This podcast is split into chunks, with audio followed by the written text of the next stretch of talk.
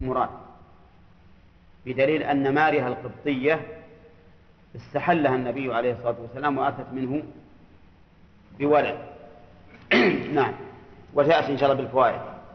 قال وبنات عمك وبنات عماتك وبنات خالك وبنات خالاتك اللاتي هاجرن معك بخلاف من لم يهاجر ها؟ ها؟ أي كنا من ملك اليمين أولا ثم أعتقهم. وتزوجهم. طيب قوله وبنات عمك وبنات عماتك وبنات خالك وبنات خالاتك. هؤلاء الأربع هن الحلائل من الأقارب. وما عداهن من الأقارب فحرام كما في سورة النساء. فصار الأقارب الآن محللات ومحرمات. المحرمات ما ذكرنا في سورة النساء في قول حرمت عليكم أمهاتكم وبناتكم وأخواتكم وعماتكم وخالاتكم وبنات الأخ وبنات الأخت. كم؟ سبع. والمحللات من الأقارب أربع. بنات العم وبنات العمة وبنات الخال وبنات الخال. كذا؟ هؤلاء محللات من الأقارب. بنات العم يعني وإن نزلن. وبنات العمة وإن نزلن. وبنات الخال وإن نزلن. وبنات الخالة وإن نزل هذا كلهن حلال. وقول بنات عمك وبنات عماتك. تكلم المفسرون. على قول بنات عمك وعماتك وخالك وخالاتك فقالوا لما أفرد في الذكور وجمع في الإناث؟ وين الذكور؟ عمك وخالك. وفي الإناث قال عماتك وخالاتك. فقال بعضهم إن هذا من باب تشريف الذكورة. كأن الواحد يقابله من النساء جمع. وإلى هذا ذهب ابن كثير رحمه الله. وقال بعضهم إنه لما كان لفظ العم والخال كلفظ المصدر صار الأنسب ألا يجمع. لأن المعروف أن المصادر لا تجمع ولا تثنى لكن هذا في النفس منه شيء. نعم. والأقرب ما ذكره ابن كثير رحمه الله. أن قوة صلة العم بالإنسان أقوى من قوة صلة العمة به فلهذا جمع. وإلا من المعلوم أن الإنسان له أعمام ليس له عم واحد فقط وبنات أعمامه كلهم حلال ولا حرام؟ حلال. وبنات عمك وبنات عماتك وبنات خالك وبنات خالاتك فيه زيادة قيد بالنسبة للرسول صلى الله عليه وسلم وهو قوله اللاتي هاجرن معك. هاجرن معك يعني هاجرن من مكة إلى المدينة. وسواء كنا في معيته مباشرة أو في معيته بالمعنى أي بالهجرة. فليس بلازم أن تكون بنت العم وبنت الخال مع الرسول صلى الله عليه وسلم مباشرة يعني تسير معه بل لو هاجرت قبله أو بعده فهي داخلة في هذا. اللاتي هاجرن معك قال وامرأة وامرأة مؤمنة إن وهبت نفسها للنبي إن أراد النبي أن يستنكحها يطلب نكاحها بغير صداق خالصة لك من دون المؤمنين. إيش يقول؟ النكاح خالصة لك من دون المؤمنين النكاح بلفظ الهبة من غير صداق. يعني الخالص والنكاح قد علمنا ما فرضنا في أزواجهم إلى آخره. قال وامرأة مؤمنة. يعني وأحلنا لك امرأة مؤمنة. وهذا نكرة في سياق الإثبات. والمعروف أن النكرة في سياق الإثبات لا تقتضي العموم. لكن لما كان السياق سياق منة صارت إيش؟ للعموم. الأصل في النكرة أن لا تعم إذا كانت في سياق الإثبات. فإذا قلت لك اضرب رجلا ليس معناه أني أمرك أن تضرب جميع الرجال. لكن إذا كان إذا كانت النكرة في في سياق الإثبات يراد بها الامتناع. ها صارت صارت للعموم لأنها لو قيدت بالواحدة لم لم تكمل بها المنة. فلا تكمل المنة إلا إذا كانت يراد بها العموم. إذا امرأة نقول وإن كان وإن كانت صيغتها صيغة الوحدة لكن المراد بها إيش؟ المراد بها العموم. لماذا؟ لأنها سيقت للامتنان. والامتنان بالوحدة لا يكمل. لا يكمل إلا إذا كان امتنانا بكل شيء أو بكل فرد من أفراد هذه النكرة. إذن يكون معنى الآية وأحللنا لك أي امرأة أي امرأة. وقوله مؤمنة هذا قيد يخرج به غير المؤمنة ولو كانت كتابية فإنها لا تحل للنبي صلى الله عليه وسلم. ولهذا ذهب بعض العلماء إلى من إلى أن من خصائص النبي صلى الله عليه وسلم في النكاح أن لا يتزوج امرأة كتابية. وهذا لم يقع لم يقع أن النبي صلى الله عليه وسلم تزوج امرأة كتابية. ومن المعلوم أن من خصائص الرسول في النكاح ما هو توسعة وما هو تضييق. فالتوسعة النكاح بالهبة والتزوج بأكثر من أربع والتضييق أنه لا يحل له من بنات عمه وبنات عماته وبنات خاله وبنات خالاته إلا من إلا من هاجرن معه. وكذلك على القول الراجح أنه بعد تخيير النبي صلى الله عليه وسلم لزوجاته لا يحل له النساء كما سيأتي إن شاء الله. قال إن وهبت إن وهبت نفسها للنبي. إن وهبت نفسها. وهبت هي بدون ولي وهبت نفسها أي أعطتها للنبي صلى الله عليه وسلم بلا عوض. لأن الهبة تعريفها بذل المال بدون عوض فمعنى وهبت نفسها يعني جاءت إلى الرسول عليه الصلاة والسلام وقالت له قد وهبت نفسي لك. فتحل له. لكن لما كان الرسول عليه الصلاة والسلام مخيرا في ذلك وليس واجبا عليه أن يقبل قال إن أراد النبي أن يستنكحها. وهذا الشرط داخل في الشرط الأول.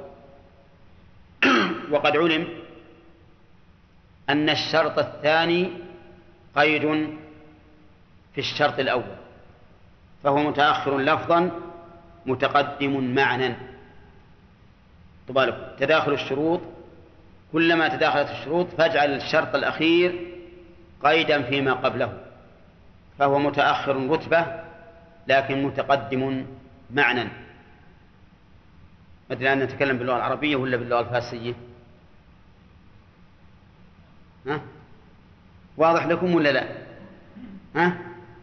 إذا تعدت الشروط إن الشرطية أو إذا أو ما أشبه فإن الشرط التالي الأخير شرط فيما قبله فيكون متأخرا لفظا متقدم معنى معنى ورتبة. مثلا إذا قلت إيه، أخبرني إذا ضربك زيد إن ظلمك. صار الظلم سابقا على الضرب وإن كان متأخرا عنه نعم آه، في في الذكر. ويتضح ذلك تماما بقول الشاعر إن تستغيثوا بنا إن تذعروا تجدوا منا معاقل عز زانها كرم. إن تستغيثوا بنا إن تذعروا تجدوا منا معاقل عز زانها كرم. وين الشرط الأول؟ إن تستغيثوا. والثاني؟ إن تذعروا الشرط الثاني متأخر عن الأول في اللفظ لكن متقدم عنه في المعنى والرتبة لأن الذعر سابق على الاستغاثة. وهذه قاعدة كلما تعددت الشروط فإن الشرط الثاني سابق على الشرط الأول. هو على الشرط الذي قبله لو تعدد لو كان ثلاث شروط أربعة شروط فالثاني سابقا لقبله. وإذا قدرنا ثلاث شروط فالثالث سابق على الثاني والثاني سابق على الأول. يعني بالعكس هنا وامرأة مؤمنة إن وهبت نفسها للنبي إن أراد. الإرادة تسبق الحل والقبول. ولهذا قال إن أراد النبي أن يستنكحها. وفائدة هذا الشرط فائدة هذا الشرط أنه لما كان رد النبي صلى الله عليه وسلم المرأة إذا وهبت نفسها للنبي لما كان أمرا شديدا. نعم. وكان النبي صلى الله عليه وسلم أشد الناس حياء. كان عرض المرأة نفسها على الرسول صلى الله عليه وسلم قد يكون شبه ملزم له بمقتضى خلقه. أنتم معنا؟ طيب. فلما كان كذلك فتح الله فتح الله لرسوله الباب على مصراعيه حيث أثبت له التخيير والإرادة في هذه الحال. فقال إن أراد النبي أن يستنكحها إذا ما فائدة ذكر الإرادة؟ مع أن الموهوب له إن شاء قبل الهبة وإن شاء لم يقبل يعني هذا أمر معلوم. فما الفائدة من قوله إن أراد النبي أن يستنكحها الفائدة لئلا يلزم النبي صلى الله عليه وسلم نفسه قبول هذه الهبة لما علم من خلقه صلى الله عليه وسلم بأنه أشد الناس حياء. ومعلوم أن رد الإنسان هبة المرأة نفسها له أمر أمر صعب.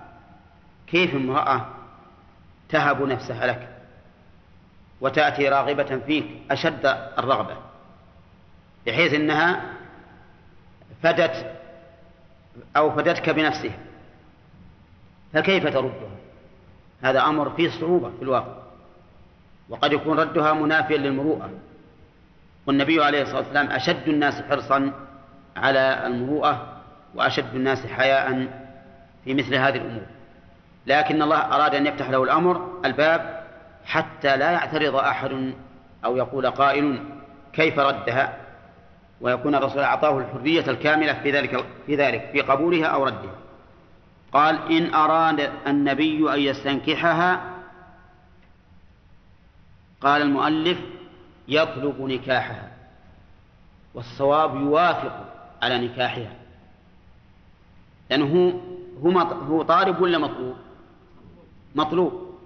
والصواب أن المراد أن يستنكحها أي أن يقبل نكاحها. ها؟ والله ما دام إن المحامي ما تكلم ما بمشي. ها؟ أمشي. إحنا قلنا لكم إن الإنسان كل واحد محام على درس. لا ابدا لا اقطعه ولا تبعد الحين هذا الرجل تعدى على على حقك فاجرنا أسلمنا معك اللاتي اسلمنا معك. نعم. قال خالصة لك من دون المؤمنين. قوله خالصة لك يحتمل أن تكون صفة لقوله وامرأة مؤمنة. ويحتمل أن تكون مفعولا لفعل محذوف. والتقدير جعلناها خالصة لك. أي هذه الشريعة أو هذه الشرعة جعلناها خالصة لك والخالص من الشيء هو الذي لا يخالطه غيره. فمعنى خالصة لك يعني لا يشاركك أحد فيها. فيما إذا وهبت امرأة نفسها لأحد لأحد فإنها لا تحل له. وهل المراد بالخالص هنا أن يتزوج بلا مهر ولا ولي؟ أو أن يقع ذلك بلفظ الهبة. نعم. الصحيح الأول أن الخالص هو أن أن يكون ذلك بدون مهر ولا ولي ولا شهود. على القول باشتراط الشهود. انتبه. لأن الهبة ما هي؟ هي التبرع بلا ها؟ بلا عوض. فالمقصود المعنى لا اللفظ. يعني أن الذي اختص به الرسول عليه الصلاة والسلام هو أن المرأة تأتي إليه وتقول وهبت نفسي لك ويأخذها. وهذا قد وقع فعلا. يعني أكثر من مرة تأتي النساء إلى الرسول عليه الصلاة والسلام ويهبن أنفسهن له. فالخالص للرسول والخاص به هو أن يكون النكاح رحمك الله مجانا بعد؟ بلا ولي ولا شهود. وأما الهبة فإن العلماء اختلفوا هل يصح النكاح بلفظ الهبة؟ مثل أن يقول وهبتك بنتي على صداق قدره كذا وكذا. أو ملكتك بنتي على صداق قدره كذا وكذا. اختلف في هذا العلماء على على قولين. منهم من يرى أنه لا يصح وأنه لا بد أن يكون عقد النكاح بلفظ التزويج أو بلفظ الإنكاح. ومنهم من يرى أنه يصح وهذا له محل آخر بحثه. خالصة لك من دون المؤمنين. دون بمعنى سوى. يعني من سواهم المعنى أن المؤمنين لا يحل لهم ذلك. والكافرون ها من باب أولى فإن الكافر لا يحل له أن يتزوج بالهبة وكذلك المؤمن. قال المؤلف إن أراد النبي يستنكحها قال يطلب نكاحها وصوبنا أمس أن المراد يستنكحها. يوافق. قال خالصة لك من دون المؤمنين النكاح بلفظ الهبة من غير الصداق هذا خاص للرسول صلى الله عليه وسلم من دون المؤمنين. قد علمنا ما فرضنا عليهم أي المؤمنين في أزواجهم من الأحكام. قد علمنا قد هذه للتحقيق. وقد قيل إن قد إذا دخلت على الماضي فهي للتحقيق. وإن دخلت على المضارع فهي للتقليل وقد يراد بها التحقيق. فإذا قلت قد قمت فهذا للتحقيق. وإذا قلت قد يجوز البخيل وقد يصدق الكذاب فهذا للتقليل. لكن تأتي للتحقيق في مثل قوله تعالى قد يعلم ما أنتم عليه قد يعلم الله المعوقين منكم. هذه لا شك أنها للتحقيق. وقوله قد علمنا ما فرضنا عليهم يعني أن أننا قد فرضنا عليهم أشياء وعلمنا أن المصلحة تقتضي ما فرضنا دون سواه فليس المراد بالآية مجرد العلم. أو مجرد الإخبار بأن الله قد علم ما فرض. لأن كون الله قد علم ما فرض أمر معلوم. وأظن عيسى لا, لا يهتم بالدرس. عيسى بن صالح. ها؟ متابع لكن ما معك كتاب ولا شيء ولا. معك قد علمنا ما فرضنا عليهم. أقول ليس المراد مجرد الإخبار بأن الله علم. لأن كون الله فرضه معلوم أنه صادر عن علم. لكن المراد أن ما فرضناه قد صدر عن علم منا بما يناسبها بما يناسبهم في أزواجهم. وليس عن جهل رحمك الله. ولهذا قال قد علمنا ما فرضنا عليهم فرضنا هنا بمعنى أوجبنا.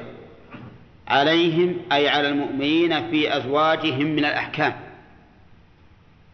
أزواجهم جمع زوجة أو جمع زوج من الأحكام بأن لا يزيدوا على أربع أربع نسوة يرحمك الله ولا يتزوجوا إلا بولي وشهود ومهر. وغير ذلك من الأشياء التي تخالف الأحكام الثابتة للرسول صلى الله عليه وسلم. فإن النبي صلى الله عليه وسلم خص في النكاح بأحكام وخص المؤمنون بأحكام وكل ذلك صادر عن علم من الله سبحانه وتعالى وعن حكمة. وقوله أي المؤلف بأن لا يزيدوا على أربع فلا يحل لمؤمن أن يزيد على أربع زوجات. لقول الله تعالى فإن خفتم وإن خفتم ألا تقصدوا في اليتامى فانكحوا ما طاب لكم من النساء مثنى وثلاث ورباع. فجعل آخر شيء الرباع أي الأربع. مع العلم بأن المقام يقتضي الزيادة لو كان هناك زيادة. بدليل أن الآية إنما شرعت أو إنما ذكر الله فيها العدد الممكن لأنها رتبت على شرط وهو إن خفتم ألا تقسطوا في اليتامى. يعني إن خفتم ألا تعدلوا في اليتامى في النساء التي بين أيديكم كبنت العم وشبهها إن خفتم ألا تعدلوا فيها فلديكم النساء كثير. فلو كان هناك زيادة على الأربع لكان الله تعالى يذكرها حتى يكون المجال أوسع. أنتم فاهمين هذا ولا لا؟ ها؟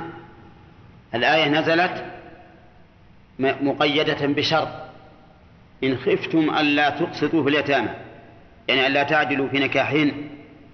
وكانوا في الجاهلية إذا كان الإنسان عنده ابنة عم يتيمة كان يظلمها في النكاح. إما بمنعها أو بأن يعلقها على أنها تكون له. نعم. فأنزل الله هذه الآية. فانكحوا يعني فالنساء سواهن كثير. انكحوا ما طاب لكم من النساء. مثنى وثلاث ورباع. فلو كان عدد زائد على الأربع جائزا لذكر هنا. ولقيل مثلا فانكحوا ما شئتم من النساء. أو لقال فانكحوا ما طاب لكم من النساء ولم يقيد. فلما قيد علم أنه لا يجوز أكثر من الأربع. ولم يخالف في ذلك إلا شذاذ من أهل العلم أو الرافضة. والرافضة عندهم توسع في مسائل النكاح. منها هذه المسألة يجوزون أن يتزوج الإنسان إلى تسع. ومنها مسألة المتعة. وهذا مما يوجب لضعفاء الإيمان أن يعتنقوا مذهبهم لأنهم يجدون فيه إشباعا لرغباتهم. فإذا كانوا يجوزون المتعة أن الإنسان إذا نزل ببلد له أن يذهب إلى امرأة ويقول زوجيني نفسك لمدة سبعة أيام أو لمدة عشرة أيام أو لمدة شهر. هم يجوزون ذلك. ويجوزون أيضا أن يتزوج الإنسان إلى تسع. نعم. كذلك يقول المؤلف ولا يتزوج إلا بولي. نعم. لا يجوز النكاح إلا بولي. والدليل على ذلك من القرآن وأنكحوا الأيام منكم. زوجوا. ولا تنكحوا المشركين. لا تزوجوا. فلا تعضلوهن أن ينكحن أزواجهن ولولا أن الولي شرط لم يكن لعضله حكم. ثانيا ولا شهود. الشهود مختلف في اشتراطه في, في النكاح. فالمشهور أن أنه لا بد من الشهود لأن عقد النكاح خطير ويترتب عليه مسائل وحقوق. نسب ومال وحقوق. يعني لغيره من من الأمور العقود الأخرى تجده إما مالية وإما حقوقية أخرى غير المال لكن هو جامع بين المال والنسب والحقوق. أولى المال كالمهر والنفقة والإرث والنسب كإلحاق الولد بأبيه في الزواج والحقوق ما يجب على الزوج وزوجته من المعاشرة بالمعروف. فلا بد من شهود. لا بد من شهود. ابن تيمية رحمه الله لا يشترط الشهود بل المشترط إعلان النكاح أو أو الشهود. فإذا وجد الإعلان ولو بلا شهود كفى. وأما وجود نعم ذكر الأقسام إما أن يجتمع الإشهاد والإعلان وهذا أعلى الأقسام. وإما أن يفقد الإشهاد والإعلان وهذا لا يصح. وإما أن يوجد الإشهاد بلا إعلان قال وفي صحة النكاح هنا تردد ونظر. وإما أن يوجد الإعلان بلا إشهاد وهذا عنده صحيح. الأقسام إذن كم؟ أربعة أن يوجد الإعلان والإشهاد. أن يعدم الإعلان والإشهاد أن يوجد الإشهاد دون الإعلان أن يوجد الإعلان دون الإشهاد. نعم. يشهدون على العقد لا على العقد. على العقد. أما الإشهاد على الرضا فهو سنة وليس بواجب. نعم. ها؟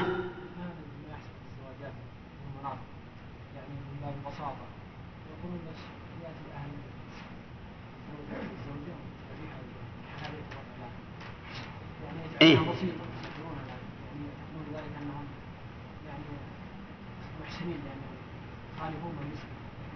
هو الإعلان مو لازم بالوليمة. قد يكون الإعلان مثلا بالمشي ليلة الزفاف في الأسواق كما يصنع فيما سبق. وكذلك الآن في السيارات. إعلان بين وكذلك في وضع الأنوار على بيت الزوج وعلى بيت الزوجة. هذا أيضا من الإعلام إذا ما حصل ما يكون إعلام. إيه؟ إذا كان ما يظهر أنها أنه عرس ما ما يكون إعلام. أما إن ظهر بأن كان المجتمع أكبر يعني من العادة هذا إعلام. وقوله ولا مهر ولا ما نعم. إلا بولي وشهود ومهر إلا بولي وشهود ومهر. ما هو المهر؟ المهر الصداق.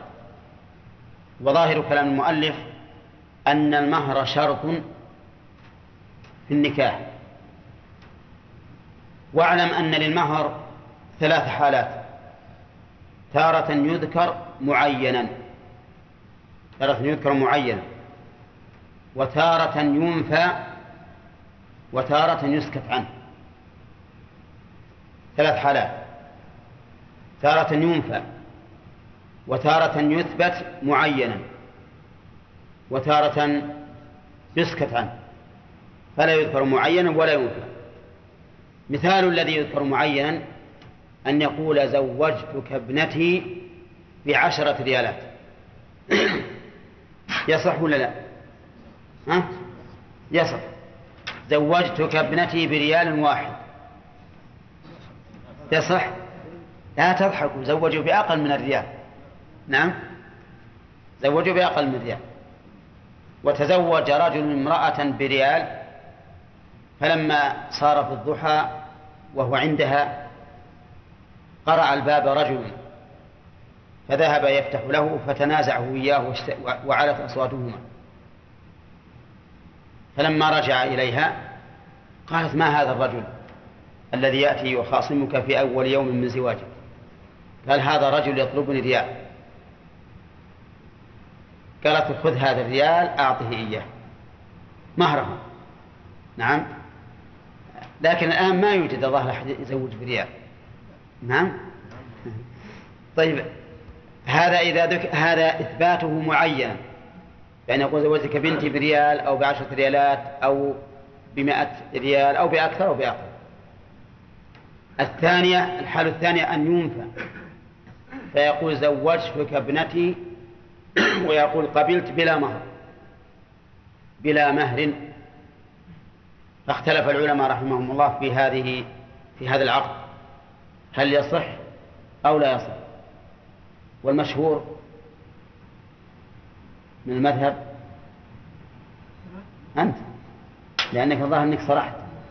نعم. طيب شيخ أنت أنت ما تعرف المعنى هذا؟ ترى هذا صالح للذي ينام واللي يصرخ أن يتزوج يقول قبلت بلا مهر فيشترط نفي المهر. فاختلف العلماء في هذا العقد. فالمشهور من المذهب أن العقد صحيح ولها مهر المثل. واختار شيخ الإسلام ابن تيمية أن العقد لا يصح. أن العقد لا يصح. لأنه تزوج على غير الشرط الذي ذكر الله. فإن الله تعالى يقول وأحل لكم ما وراء ذلكم. وش بعده؟ أن تبتغوا بأموالكم محسنين غير مسافحين. الحالة الثالثة أن يسكت عنه. فلا يذكر معينا ولا ينكر. بأن يقول زوجتك ابنتي؟ فيقول قبلت. فالعقد هنا صحيح ولها مهر المثل وقد نص على ذلك قوله تعالى لا جناح عليكم إن طلقتم النساء ما لم تمسوهن أو تفرضوا لهن فريضة ومتعوهن. فهنا يجب مهر المثل. يجب مهر المثل إذا دخل بها فإن لم يدخل بها وطلقها قبل الدخول وجبت المتعة. عرفتم الأقسام الآن؟ وظاهر كلام المؤلف قوله وشهود ومهر أن المهر شرط في صحة العقد فيكون ذلك موافقا لكلام شيخ الإسلام ابن تيمية, ابن تيمية رحمه الله. وتعالى قد علمنا ما فرضنا عليهم في أزواجهم. فرض إذا تعدت باللام فهي بمعنى أحل كما في قوله فيما سبق لا جناح على النبي فيما فرض الله له أي فيما أحل. وكقوله تعالى قد فرض الله لكم تحلة أيمان أي أحلها وشرعها. أما إذا تعدت بعلا فهي بمعنى الإيجاب. كما في هنا قد علمنا ما ما فرضنا عليهم في أزواجهم. وذكر المؤلف أن مما فرض الله علينا في الأزواج أن لا نزيد على أرض وأن لا نتزوج إلا بولي وشهود ومهر. وسبق لنا الكلام فيما يتعلق بالمهر وأنه لا يخلو من ثلاث حالات. نعم. نعم. أن يسكت عنه. مثاله مذكورا معينا. إذا ذكر معينا يا عبد الله جائز ولا غير جائز؟ جائز. وهو أفضل أيضا. تسميته في العقد أفضل. وإذا نفي غنم يعني ما مش معنى غير جائز. العقد حرام ولا ولا يصح؟ ولا ولا يصح العقد ويجب له مهر المثل نعم. نعم. ولها مهر المثل وشيخ الإسلام يقول إن العقد لا يصح. نعم. أيهما أصح؟ الوهاب. أيهما أصح؟ فيما إذا نفي المهر. أن يصح العقد ولها مهر المثل أو أن يبطل العقد.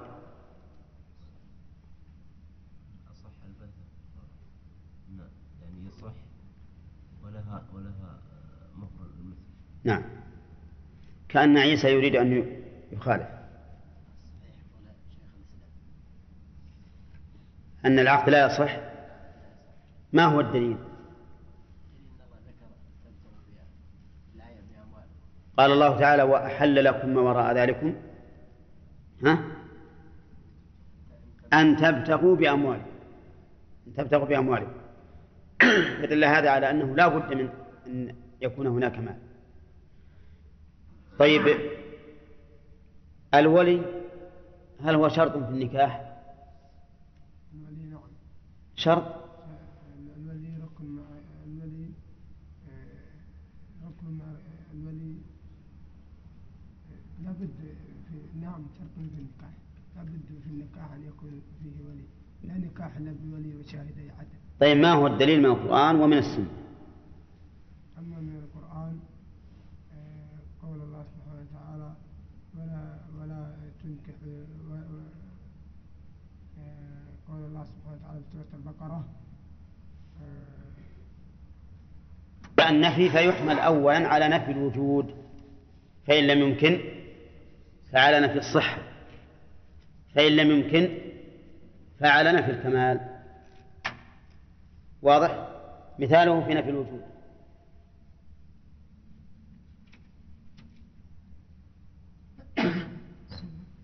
من اللي تبي من السنة أو من القرآن أو من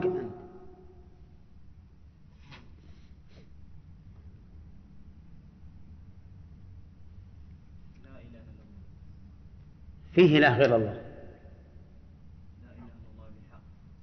لا إله حق إلا الله. نعم. مثاله لنفي الصحة. لا صلاة إلا بوضوء. هذا لنفي الصحة. لأنه يمكن يصلي الإنسان بدون بدون وضوء. طيب. مثاله في نفي الكمال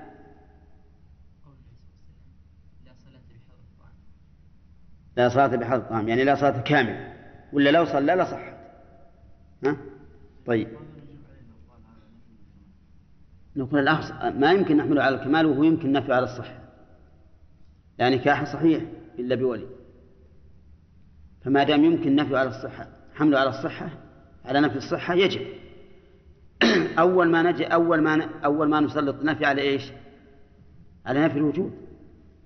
لأن هذا هو ظاهر اللفظ. فإن لم يمكن بأن كان موجودا حملناه على نفي الصحة لأن نفي الصحة نفي للوجود شرعا. فإن لم يمكن بأن كان بأن دلت النصوص على الصحة يحمل على الكمال على نفي الكمال. طيب. نقرأ التفسير الآن ابتداء من الآن عشان نناقش إن شاء الله تعالى فيما قال في أزواجهم وما ملكت أيمانهم من الإماء يعني وعلمنا ما فرضنا عليهم فيما ملكت أيمانهم. من الإماء خص المؤلف ما العامة بالإماء لأن ما ملكت ما اسم موصول. ولا لا؟ ما اسم موصول؟ تفيد العموم. والإنسان يملك الإماء ويملك المواشي ويملك الدراهم ويملك البناء ويملك الأراضي. أليس كذلك؟ فهل ما هنا للعموم؟ يعني وفيما ملكت أيمانهم من كل شيء؟ أو من الإماء كما قال المؤلف.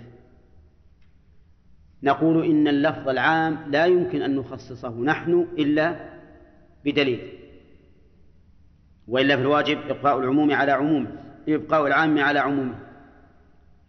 هنا خصصناه بالإماء بدليل. ما هو الدليل؟ قرنه بالأزواج. والكلام الآن فيما يتعلق بالحقوق الزوجية. فقال قد علمنا ما فرضنا عليهم في أزواجهم وما ملكت أيمانهم من الإماء فيكون فتكون الدلالة على التخصيص من قوله أزواجهم. وبها وعلى هذا فنقول كل موضع ذكر فيه الأزواج وما ملكت اليمين فالمراد بما ملكت اليمين إيش؟ الإماء يقول بشراء وغيره. يعني علمنا ما فرضنا عليهم من الإماء بالشراء وبغير الشراء؟ هل يمكن أن يملك الإنسان الأمة بالشراء بغير الشراء؟ يمكن. بماذا؟ بالسبي بالهبة بالإرث وأسباب التملك كثيرة. المهم أن أن ملك اليمين أسبابه متعددة. بأن تكون الأمة ممن تحل لمالكها كالكتابية بخلاف المجوسية والوثنية. أفادنا المؤلف رحمه الله بأنه لا يحل للإنسان الأمة غير الكتابية. لا يحل من الإماء إلا الأمة الكتابية وهي اليهودية والنصرانية.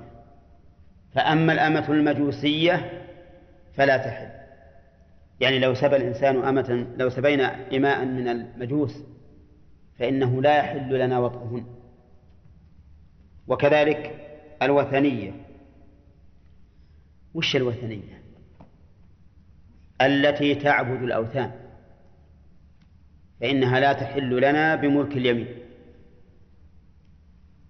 المجوسية الفرق نعم ما الفرق بين المجوسية والوثنية؟ الفرق بينهما أن المجوسية تعبد النار والوثنية تعبد الأصنام من الأشجار والأحجار وما أشبه ذلك وكذلك من يعبد القبور. وكذلك من لا تصلي. لكن من لا تصلي مرتدة يجب أن تقتل إذا لم تتب. وقول المؤلف بخلاف المجوسية والوثنية هذا أحد القولين في المسألة. والصحيح أن المجوسية والوثنية حلال بملك اليمين.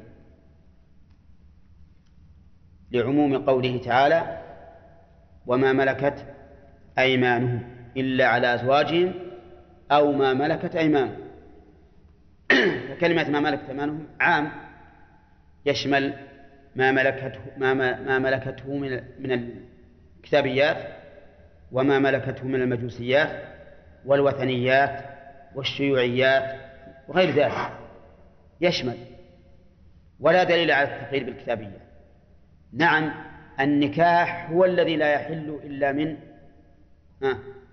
من الكتابية. كما قال تعالى والمحصنات من الذين أوتوا الكتاب من قبلكم إذا آتيتموهن أجورهن. ما قال إذا ملكتموهن؟ قال إذا آتيتموهن أجورهن فدل هذا على أن المراد بذلك إيش؟ إيش؟ النكاح. لأنه هو, هو التي هي التي تؤتى أجرها. أما المملوكة فتشترى. فالصواب أنه يحل لنا أو أنها تحل لنا المملوكة إذا كانت مجوسية أو كتابية لعموم الكتاب. قال وأن تستبرأ قبل الوطن. هذا أيضا مما فرض الله علينا. أن نستبرئ الأمة التي ملكناها قبل أن نطأها. لأن النبي صلى الله عليه وسلم في غزوة أوطاس. نهى أن توطأ حامل حتى تضع. وأن لا توطأ ذات حيض حتى تحيض. فلا بد من الاستبراء. إن كانت حاملا فبوضع الحمل. وإن كانت تحيض فبحيض. وهل الاستبراء واجب بكل حال؟ أو لا تستبرأ البكر. نعم. ذهب بعض العلماء إلى أن الاستبراء واجب حتى في الأبكار. وقال بعض أهل العلم ومنهم شيخ الإسلام ابن تيمية إن البكر لا تستبرأ. لماذا؟ لأن الغرض من الاستبراء العلم ببراءة الرحم والبكر براءة رحمها معلوم. واحتمال أن احتمال أن تتحمل بعلاج غير الوطي وارد لكنه ها بعيد. يعني يحتمل أن تكون بكرا ولكنها تتحمل بمني رجل من من الناس وتحمل. لكن هذا بعيد. طيب إذا كان إذا ملكها من رجل أمين وأخبره أنه قد استبرأها هل يجب الاستبراء؟ المذهب يجب المذهب يجب الاستبراء. والقول الثاني في المسألة أنه لا يجب الاستبراء لأنه ما دام البائع أمينا. نحن الآن أسألكم عن إعراب كي. من يعرفها؟ تعرفها؟ مصدرية؟ ولا يصح أن تكون حرف جر للتعليل؟ أي نعم. كما لو قلت جئت كي أقرأ. بإيش؟ وإذا سبقت باللام؟ يتعين أن تكون مصدرية صح. كي إذا اقترنت باللام يتعين أن تكون مصدرية. لئلا يجمع بين حرفي تعليل. فإن لم تسبق باللام صارت حرف تعليل والفعل بعدها منصوب بأن. طيب إذا لكي اللام حرف جر وكي مصدرية ولا نافية ويكون آه. يكون فعل لا فعل أمر مبني على الفتح في محل جر. ها؟ كيف؟ فعل مضارع إيش؟ منصوب بماذا؟ بكي. من نصب فتح ظاهرة في آخره. لكي لا يكون عليك يعني على النبي صلى الله عليه وسلم الخطاب للرسول صلى الله عليه وسلم حرج أي ضيق في النكاح. قال المؤلف في لكي لا متعلق بما قبل ذلك. متعلق بما قبل ذلك. وش قبل ذلك؟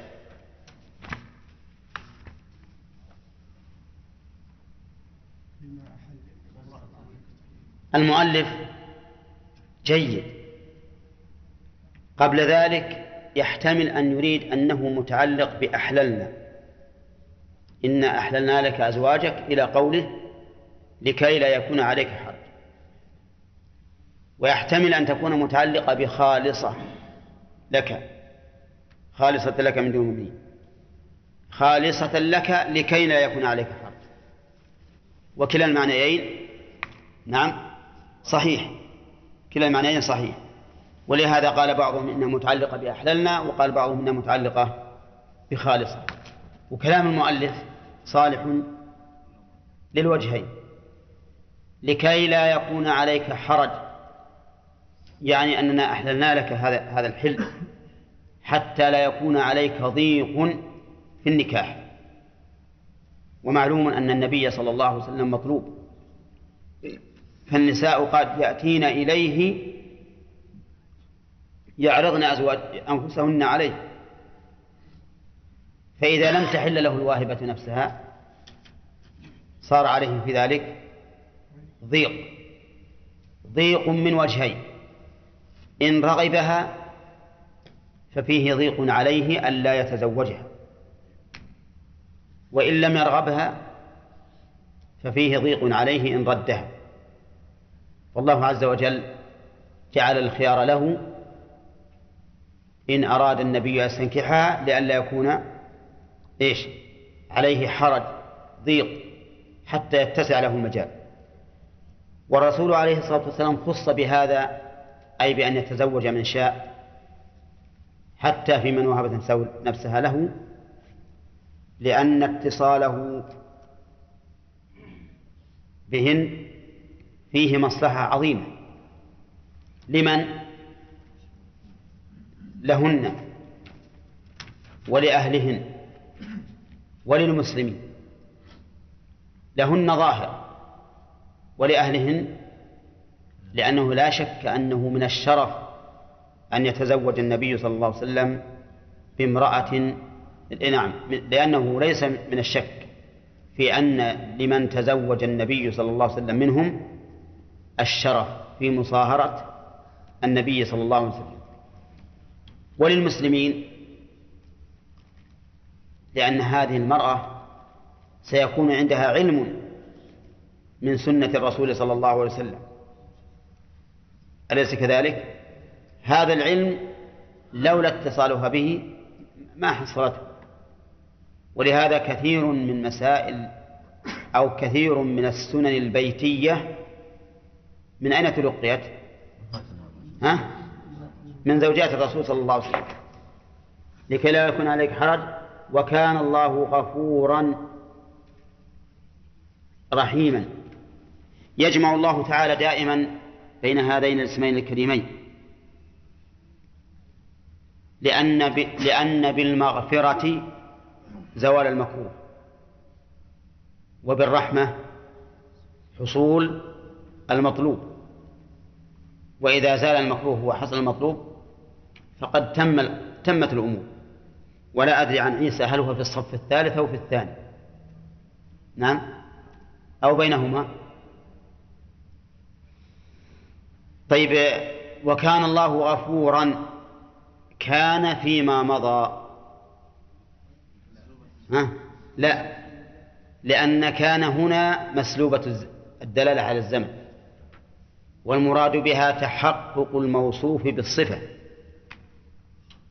أن الصفة هذه في, في هذا الموصوف حقيقة. غفورا هل هو صيغة مبالغة ولا صفة مشبهة؟ نعم يحتمل أن تكون صيغة مبالغة أو أن تكون صفة مشبهة. وأيا كان فإنها مشتقة من المغفرة وهي ستر الذنب. بعد؟ والتجاوز عنه. ورحيما مشتقة من الرحمة. وهي وهي صفة تتعلق بذات الله عز وجل من مقتضاها الإحسان والإنعام. والغفور والرحيم من أسماء الله سبحانه وتعالى.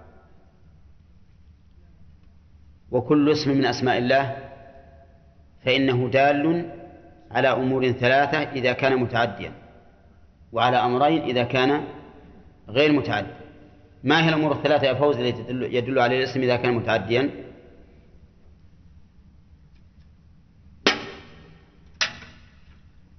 وأن تعلموا أن العلم ليس بالأمر الهين. العلم يحتاج إلى تعب. ولهذا قال بعض السلف العلم لا ينال براحة الجسم. اللي وده يستريح ما يقول ما يقول إني طالب علم. اللي وده ينام ما يقول إني طالب علم. لا بد لطالب العلم أن يكون طالب علم على سبيل الحقيقة. وسيجد غب ذلك فيما بعد. سيجد النتيجة والتحصيل. وهو قد يشق عليه في أول الأمر أن يحبس نفسه على العلم. لكن إذا اعتاد حبس نفسه على العلم صار ذلك سجية له وطبيعة له. حتى إنه إذا فقد ذلك الحبس انحبس. وجرب تجد. أنا قد جربت وغيري قد جرب. إذا حبست نفسك على العلم فإنك تفقد ذلك الحبس لو تأخرت عنه. أما إذا عودت نفسك الإهمال وعدم المبالاة فاعلم أنك ستبقى ستبقى كالمريض بسل مؤنث. تعرفون المريض بسل مؤنث؟ السل المذكر يمشي صاحبه. ما يبقى إلا شهرين ثلاثة ويمشي, ويمشي للمقبرة. لكن البلاء السل المؤنث. يبقى فيه السنوات العديدة. لا حي ولا ميت. وهكذا طالب العلم إذا لم يجد في طلب العلم. يبقى لا حيا ولا ميتا. فالله الله يا إخواني في الحرص الله الله على الحرص في طلب العلم. إن كنتم تريدون العلم أما إذا كنتم تريدون أن أن تقطعوا الوقت ويمشي الوقت بمكان فهذا شيء آخر. لكن اللي يريد العلم لا بد أن يكب عليه وأن يجتهد. وهو إن أتعب جسمه الآن سيجد الراحة فيما بعد. ولا سيما في الشباب. الشباب هو الذي إذا حفظ العلم ما شاء الله ما ينساه. لكن ثقوا أنه إذا تقادمت بكم السن فإنكم تدرسون اليوم وتنسون غدا. صحيح أن الإنسان إذا تقدمت بالعلم يكون فهمه أكثر وأوسع وأدق لكن في الحفظ ما في حفظ إلا في الصغر أبدا. فأنتم إن شاء الله تحرصون على طلب العلم. لا تظنوا أنكم أنكم في نزهة إلا في نزهة واحدة وهي نزهة العلوم. لأن العلوم فيها من كل فاكهة زوجان هذا فقه وهذا حديث وهذا تفسير وهذا توحيد وهذا نحو وما شاء الله ثمرات متنوعة. فليكن نزهتكم هذا العلم. وأسأل الله لي ولكم التوفيق. أما أن نبحث في مسألة أمس ونجي نسأل عنها اليوم ما أحد يجاوب؟ أو ما يستطيع الواحد يجاوب؟ ما هو كلكم كلكم يمكن تجاوبون لكن فيكم من لا يجاوب. مع أن المسألة ليست ببعيدة طيب ذكرنا أن اسم الله عز وجل يستفاد منه ثلاث أمور. إذا كان متعديا وأمران إذا كان لازما. الثلاثة إذا كان متعديا غانم؟ نعم. نعم. نعم. الاسم والصفة والأثر. مثال ذلك في الغفور أن الغفور من أسماء الله. السلام. إيش والصفة في الغفور. المغفر والأثر أنه يغفر يغفر الذنوب جميعا سبحانه وتعالى. الرحيم مثلها الاسم الرحيم والصفة الرحمة والأثر يرحم. عرفتم يا جماعة؟ أما إذا كان لازما لا يتعدى فهو يستفاد منه فائدتان. الاسم والصفة. الاسم مثل العلي العلي العظيم. يستفاد من العلي الاسم والصفة وهي العلو. ولا تتعدى إلى أحد حتى نقول يستفاد منها الأثر. والعظيم كذلك. وكان الله غفور رحيم. نعم. بما يعسر التحرز منه رحيما بالتوسعة في ذلك. هذا من بعض المغفرة والرحمة. وليس هو المغفرة والرحمة. بل المغفرة فيما يقابل الذنوب والرحمة فيما يحصل به المطلوب.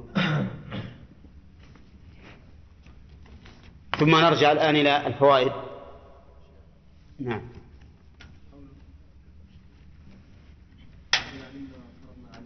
لكي لا يكون عليك حرج العلة هذه مناسبتها مع المعلول وفرضنا عليه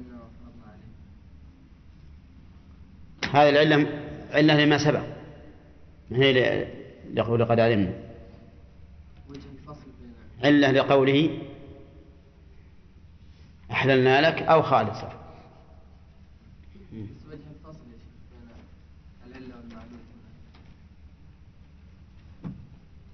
الفصل لأنه لما قال وامرأة مؤمنة إن وهبت نفسها للنبي إن أراد النبي أن يستنكحها خالصة لك من دون المؤمنين. لما ذكر أن هذا من خصوصياته بين ما فرض عليه.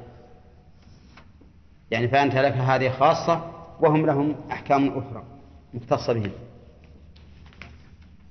قال الله تبارك وتعالى يا أيها النبي إنا أحللنا لك أزواجك. هذا مبتدأ الفوائد. ها؟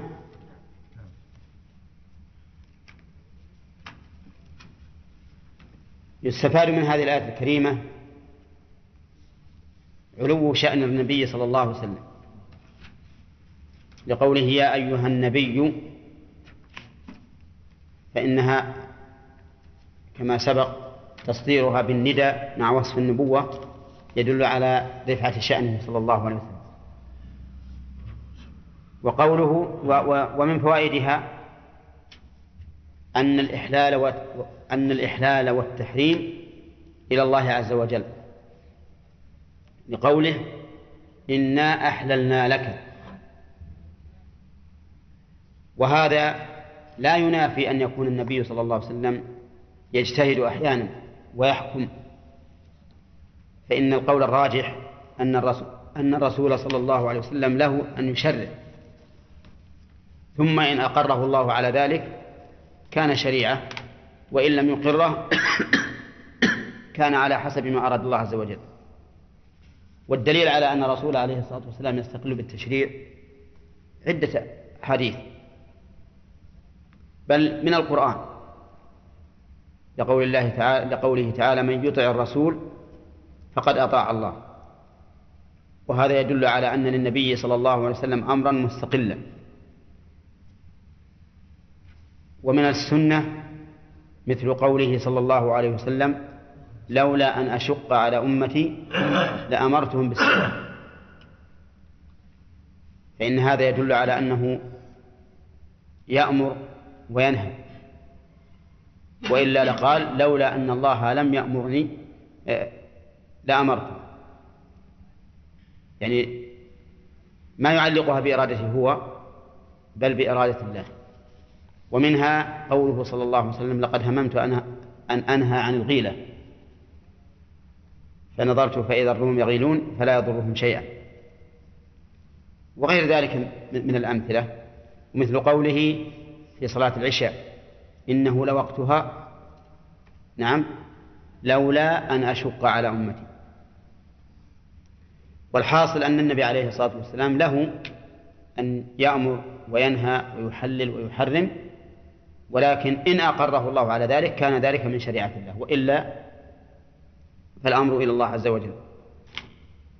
ومن فوائد الآية الكريمة أنه لا بد في النكاح من المهر. لقوله اللاتي آتيت أجورهن ومن فوائدها أن النكاح عقد على المنفعة وليس على العين. بقوله أجورهن والإجارة عقد على منافع لا على أعيان ولهذا تملك المرأة نفسها ببيع بالبيع والشراء والهبة وغير ذلك وليس لزوجها أن يعترض عليها في هذه الأمور لأنه إنما يملك منفعة الاستمتاع فقط. ومن فوائد الآية الكريمة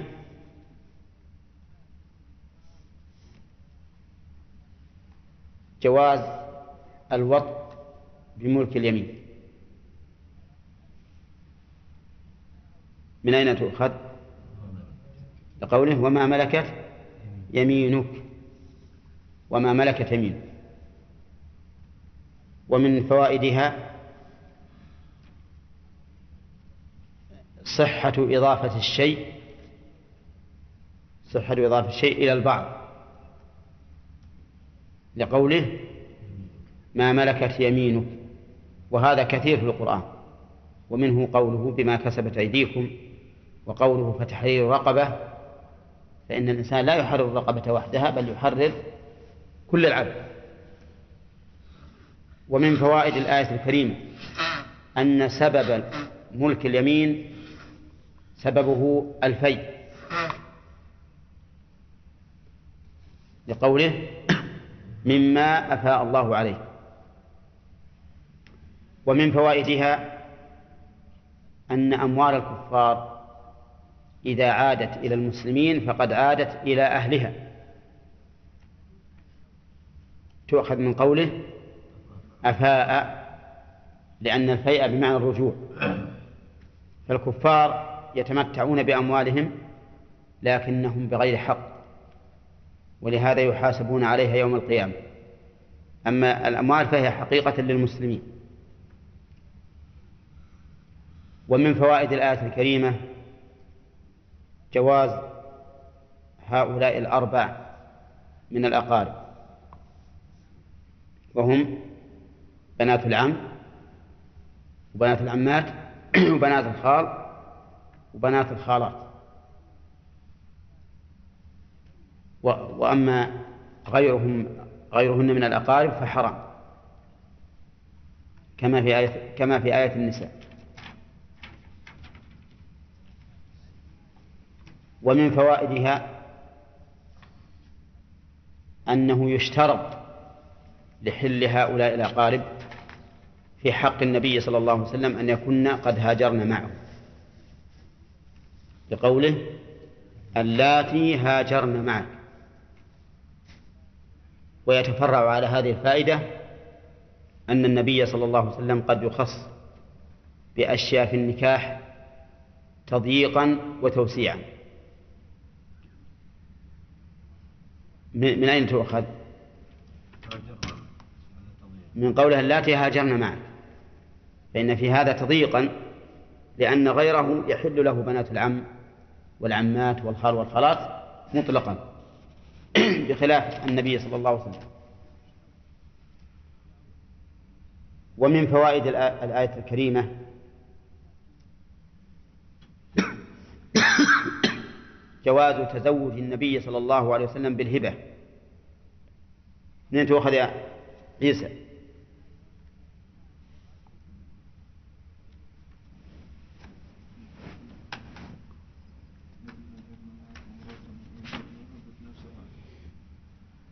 ها؟ إن وهبت نفسها لمن؟ طيب للنبي. طيب. فمن فوائده إذا من فوائدها جواز نكاح النبي صلى الله عليه وسلم بالهبة. لقوله وامرأة مؤمنة إن وهبت نفسها للنبي. ويشترط في هذه الواهبة أن تكون إيش؟ مؤمنة. قوله وامرأة مؤمنة فلو وهبت له نفس فلو وهبت كتابية نفسها للنبي صلى الله عليه وسلم لم تحل له. ومن فوائد الآية الكريمة لطف الله تعالى بنبيه صلى الله عليه وسلم. لقوله إن أراد النبي أن يستنكحها ومن فوائدها أيضا بيان علو شأن النبي صلى الله عليه وسلم حيث قال إن أراد النبي ولم يقل إن أردت مع أن المقام يقتضي أن يقول ها؟ إن أردت أن تستنكحها لأن الخطاب له أحللنا لك أزواجك اللاتي آتيت أجورهن وما ملكت يمينك مما أفاء الله عليك وبنات عمك وبنات عماتك وبنات خالك وبنات خالاتك اللاتي هاجرن معك وامرأة مؤمنة إن وهبت نفسها ها؟ إن وهبت نفسها للنبي إن أراد النبي أن يستنكحها كان مقتضى السياق أن يقول وامرأة مؤمنة إن وهبت نفسها لك إن أردت أن تستنكحه ولكنه أتى بالنبي لبيان علو شأنه ومرتبته. ومنها من الفوائد أن الإظهار هنا لبيان علة الحكم. الإظهار هنا في مقام الإضمار فوائده بيان من فوائده بيان علة الحكم. كيف؟ لو قال وامرأة مؤمنة إن وهبت نفسها لك إن, أراد إن أردت أن تستنكحها ما تبين لنا وجه الخصوصية. لكن لما قال إن وهبت نفسها للنبي إن أراد النبي أن يستنكحها تبين الآن وجه الخصوصية لأنه كان نبيا. العلة أنه نبي. فأحلت له. هذه الواهبة نفسها ومن فوائد من فوائد الآية الكريمة الرد على الجبرية.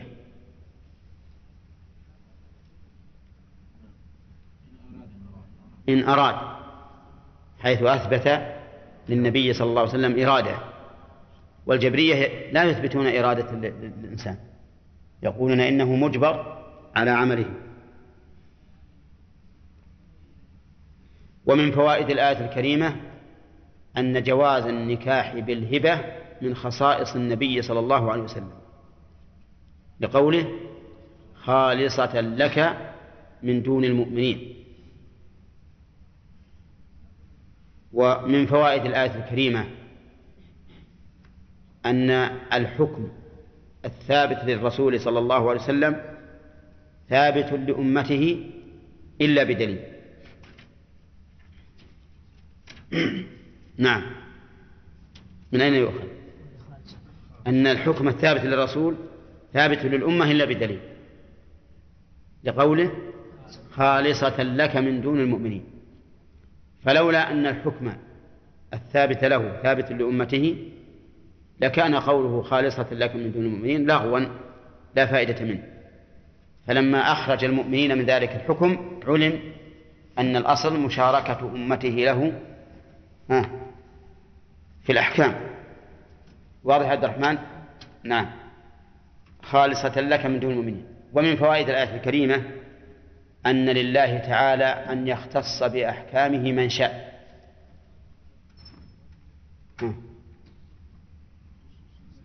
من تخصيص النبي صلى الله عليه وسلم بهذا الحكم. فالله تعالى له أن يختص بأحكامه من يشاء.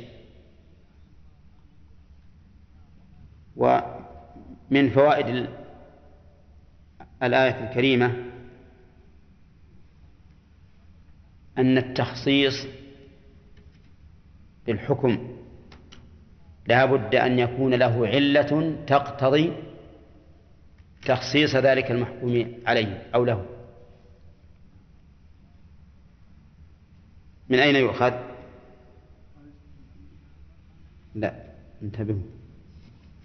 أن التخصيص لا بد له من من علة تقتضي ذلك التخصيص. ها؟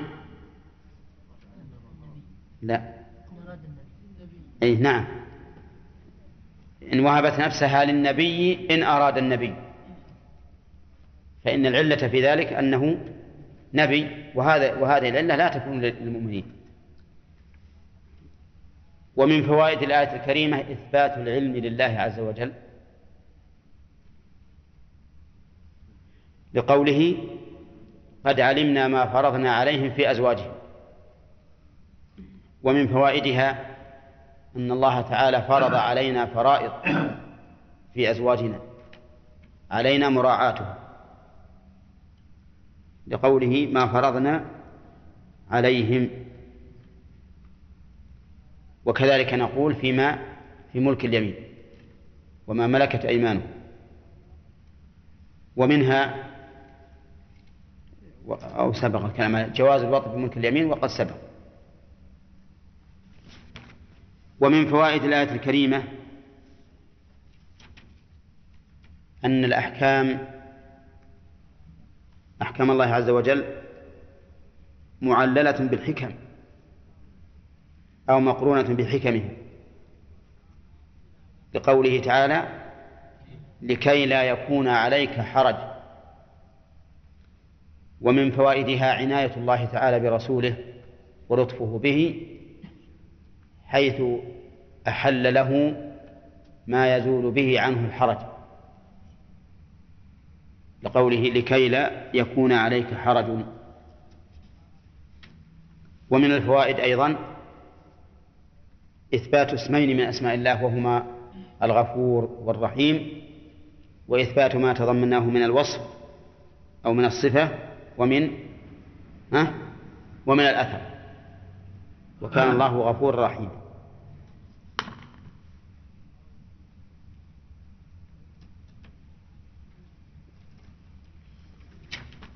طيب هل نأخذ منها فائدة أن النكاح بلفظ الهبة لا يصح؟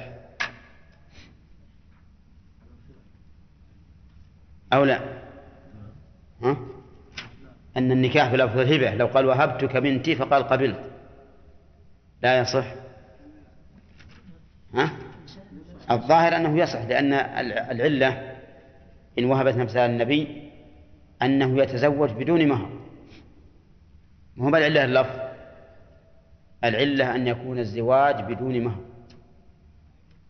فهذا هو الذي خاص هو الذي يكون خاصا بالنبي صلى الله عليه وسلم. أما لفظ الهبة فإنه قد جاء في أحد ألفاظ حديث سهل بن سعد في الواهبة نفسها أن النبي صلى الله عليه وسلم قال للرجل ملكتكها بما معك من القرآن. ملكتكها. وهذا أحد ألفاظ البخاري.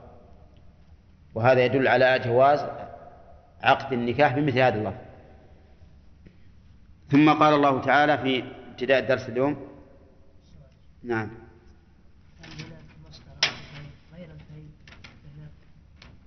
أبدا ما في شيء غير.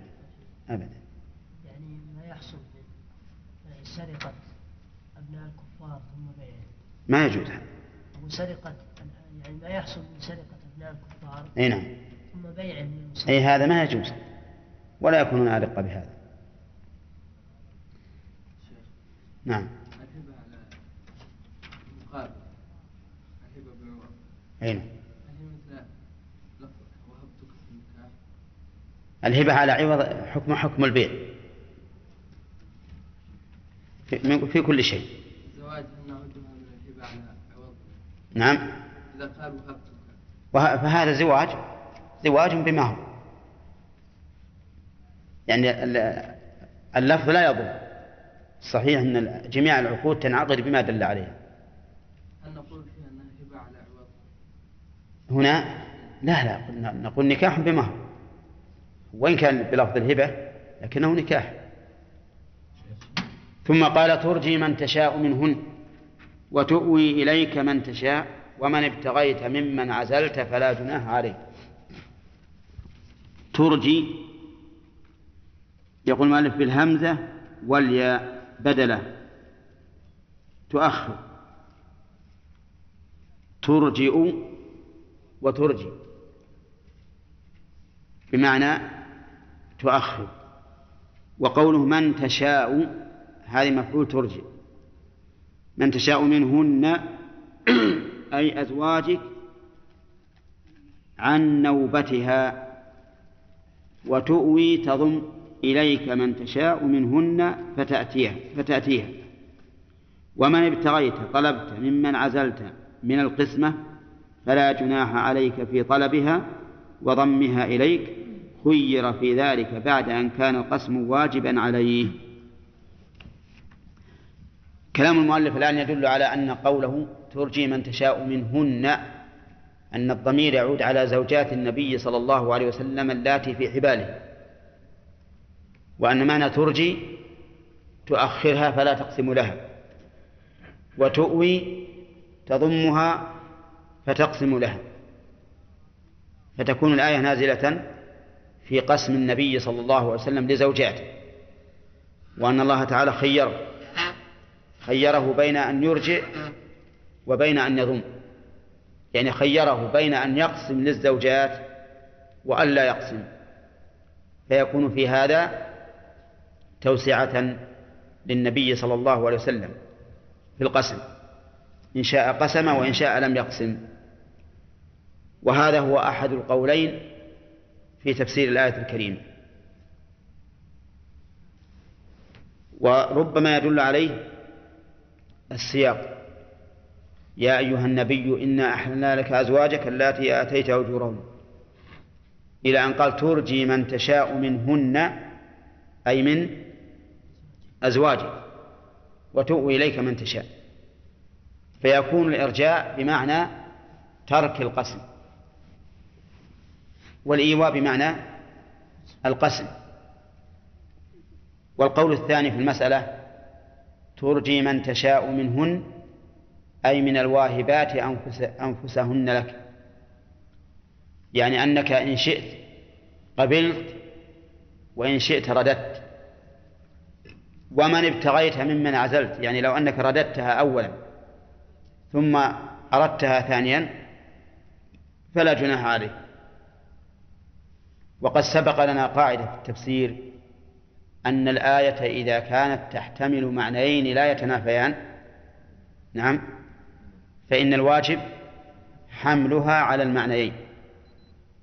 ولهذا اختار ابن جرير رحمه الله أن الآية شاملة للمعنيين جميعا وأن الرسول عليه الصلاة والسلام خير بين القسم وعدمه وخير بين قبول الهبة وعدمه وأنه أيضا إذا لم يقسم ثم أراد أن يقسم فله ذلك.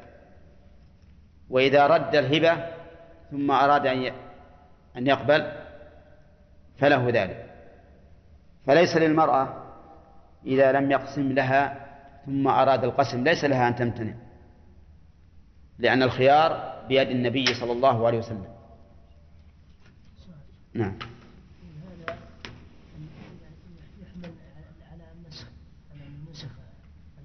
القسم نعم.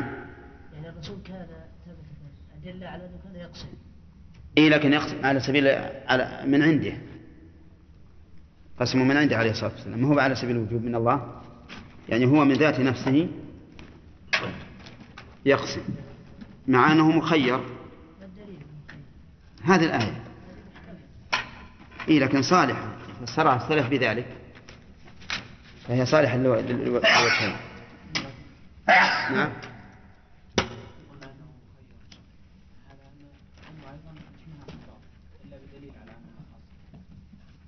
أي فيه دليل خاص. قال النبي عليه الصلاة والسلام من كان له امرأتان فمال إحداهما إلى إحداهما جاء يوم القيامة وشقه مائل هذا وعيد. نعم. لا تركه. تركه بالكلية وإن شاء رد. منهن أي أزواجك عن نوبتها وتؤوي تضم إليك من تشاء منهن. فتأتيها. ها؟ أخذنا طيب. ومن ابتغيت طلبت ممن عزلت من القسمة فلا جناح عليك في طلبها فتضمها إليك. خير في ذلك بعد أن كان القسم واجبا عليه. أفادنا المؤلف رحمه الله أن الآية في حكم القسم. بالنسبة للنبي صلى الله عليه وسلم وأن الله تعالى خيره بين أن يقسم بين زوجاته وأن لا يقسم. وأن من لم يقسم لها إذا بدا له أن يقسم لها فلا حرج عليه. وهذا هو أحد القولين في المسألة في الآية. والقول الثاني أن المراد بقوله ترجي من ترجي من تشاء منهن يعني من الواهبات أنفسهن. فلك الخيار في أن تقبل وأن لا تقبل. ومن ومن رددت منهن فلا حرج عليك فيما بعد أن تطلبها واختار ابن جرير رحمه الله أن الآية عامة للمعنيين جميعا وهذا هو الذي مشينا عليه فيما سبق من أن الآية إذا كانت تحتمل معنيين لا يتنافيان فإن الواجب حملها على الجميع. قال الله تعالى ذلك التخيير. ذلك المشار إليه التخيير. ترجي من تشاء وتؤوي أي ذلك التخيير المستفاد من الجملتين.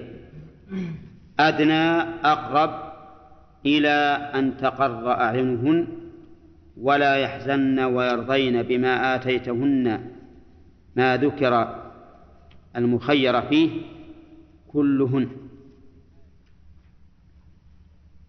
قوله أدنى أن تقر أعينهن كيف ذلك؟ يعني ما وجه كون ذلك أقرب إلى أن تقر أعينهن لأنهن إذا علمن أن التخيير بين القسم وعدمه من الله عز وجل قرت أعينهن.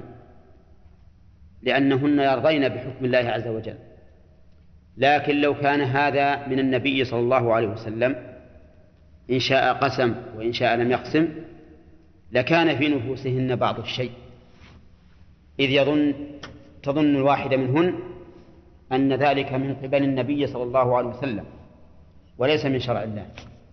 فإذا علمت النساء بأن هذا من شرع الله فإن أعينهن تقر. وقوله تقر مأخوذة إما من القرار وإما من القر وهو البرد. وذلك أن العين إذا بردت فمعناها أنها غير حزينة وإذا حميت فمعناها الحزن. ولهذا يقولون دمع الحزن حار. دمع الحزن حار لأنه يخرج من العين إذا حميت من الحزن. أما إذا لم يكن هناك حزن فإنها تبرد وتستقر. وقوله أن تقر أعينهن ولا يحزن.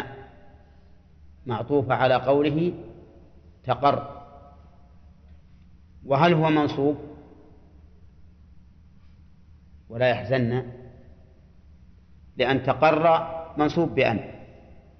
ويحزن معطوف عليه. فهل هو منصوب؟ نعم. لا مبني. مبني على السكون لاتصاله بنون النسوة. ونون الفعل مدغمة في نون النسوة. لأن يحزن هذا الفعل. والنون الثانية هي نون النسوة وهي فاعل. نعم. ها؟ ليس له وظيفة. لا له وظيفة. لكن الفعل هنا مبني على السكون في محل نصب. ولا يحزن. وقوله ويرضين هذا الواو حرف عطف. ويرضين معطوف على إيش؟ على تقر. وليس على يحزن. لأنه لو كان على يحزن لفسد المعنى إذ لو كان معطوفا على يحزن لكان المعنى ولا يحزن ولا يرضين والمراد خلاف ذلك. بل, بل فالمراد ذلك أدنى أن تقر أعينهن ويرضين. فإن قلت ما الفائدة من اعتراض الجملة الثانية ولا يحزن؟ نقول لأن صلتها بقوله تقر أعينهن أقوى. فإن فإن قوله ولا يحزن يراد به كمال قرار العين يعني أنها تقر أعينهن حتى لا يبقى فيهن حزن إطلاقا. فلهذا اعترضت هذه الجملة بين المعطوف والمعطوف عليه. قول ويرضين بما آتيتهن آتيتهن بالمد بمعنى أعطيتهن. أين مفعول؟ لأن آتى تنصب مفعولان أو تنصب مفعولين. مفعولها الأول ألهى ومفعولها الثاني محذوف. قدره المؤلف بقوله ما ذكر. ما ذكر. وما الذي ذكر؟ قال المخير فيه. يعني أنهن يرضين بما أعطيتهن من التخير من القسم وعدمه. وسبق أن بينا العلة في كونهن يرضين بذلك وهو أنه إذا جاء الحكم من الله سبحانه وتعالى رضين به. بخلاف ما لو كان من النبي صلى الله عليه وسلم ابتداء فقد لا يرضين بذلك تظن, تظن الواحدة منهن أن هذا هوى من النبي صلى الله صلى الله عليه وسلم ولا يحسنها مع أنها كيف تكون معترضة أي نعم معترضة بين المعطوف والمعطوف عليه. وهي معطوف لكنها الآن معترضة بمعنى أنه لا يصح أن نعطف ما بعدها عليه بل يعطف على ما قبله. قال كلهن تأكيد للفاعل في يرضين. وإنما قال ذلك لأنه لو كان تأكيدا للهاء في قوله بما آتيتهن لكانت منصوبة. بما آتيتهن كلهن. ولكنها كما قال تأكيد للفاعل في قوله يرضن يرضين. طيب ألا يصح أن تكون تأكيدا للضمير في قوله أعينهن؟ أعينهن؟ لا يصح. لأنه لو كان توكيدا له لكان مجرورا كلهن. فإذا يتعين أن يكون تأكيدا لقوله ويرضين بما آتيتهن كلهن والله يعلم ما في قلوبكم من من أمر النساء والميل إلى بعضهن. لما بين الله عز وجل أن النبي صلى الله عليه وسلم مخير بين أنه عز وجل يعلم ما في القلوب من ميل الإنسان إلى بعض النساء دون بعض. وقد بين الله تعالى هذا العلم هذا المعلوم بقوله ولن تستطيعوا أن تعدلوا بين النساء ولو حرصتم فلا تميلوا كل الميل فتذروها كالمعلق. وهذا أمر يؤيده الواقع ويشهد له. فإن الإنسان لا يمكن أن تكون مودة زوجتيه على حد سواء. أبدا. حتى لو فرض أن إحداهما كانت عنده أرجح من وجه والأخرى أرجح من وجه آخر فلا يمكن التساوي. وهذا هو ما يؤيده قوله تعالى ولن تستطيعوا أن تعدلوا بين النساء وقوله والله يعلم ما في قلوبكم هل يستفاد منها التهديد والوعيد أو يستفاد منها أن هذا أمر لا تملكونه الظاهر الثاني الظاهر الثاني وأن هذا أمر لا نملكه.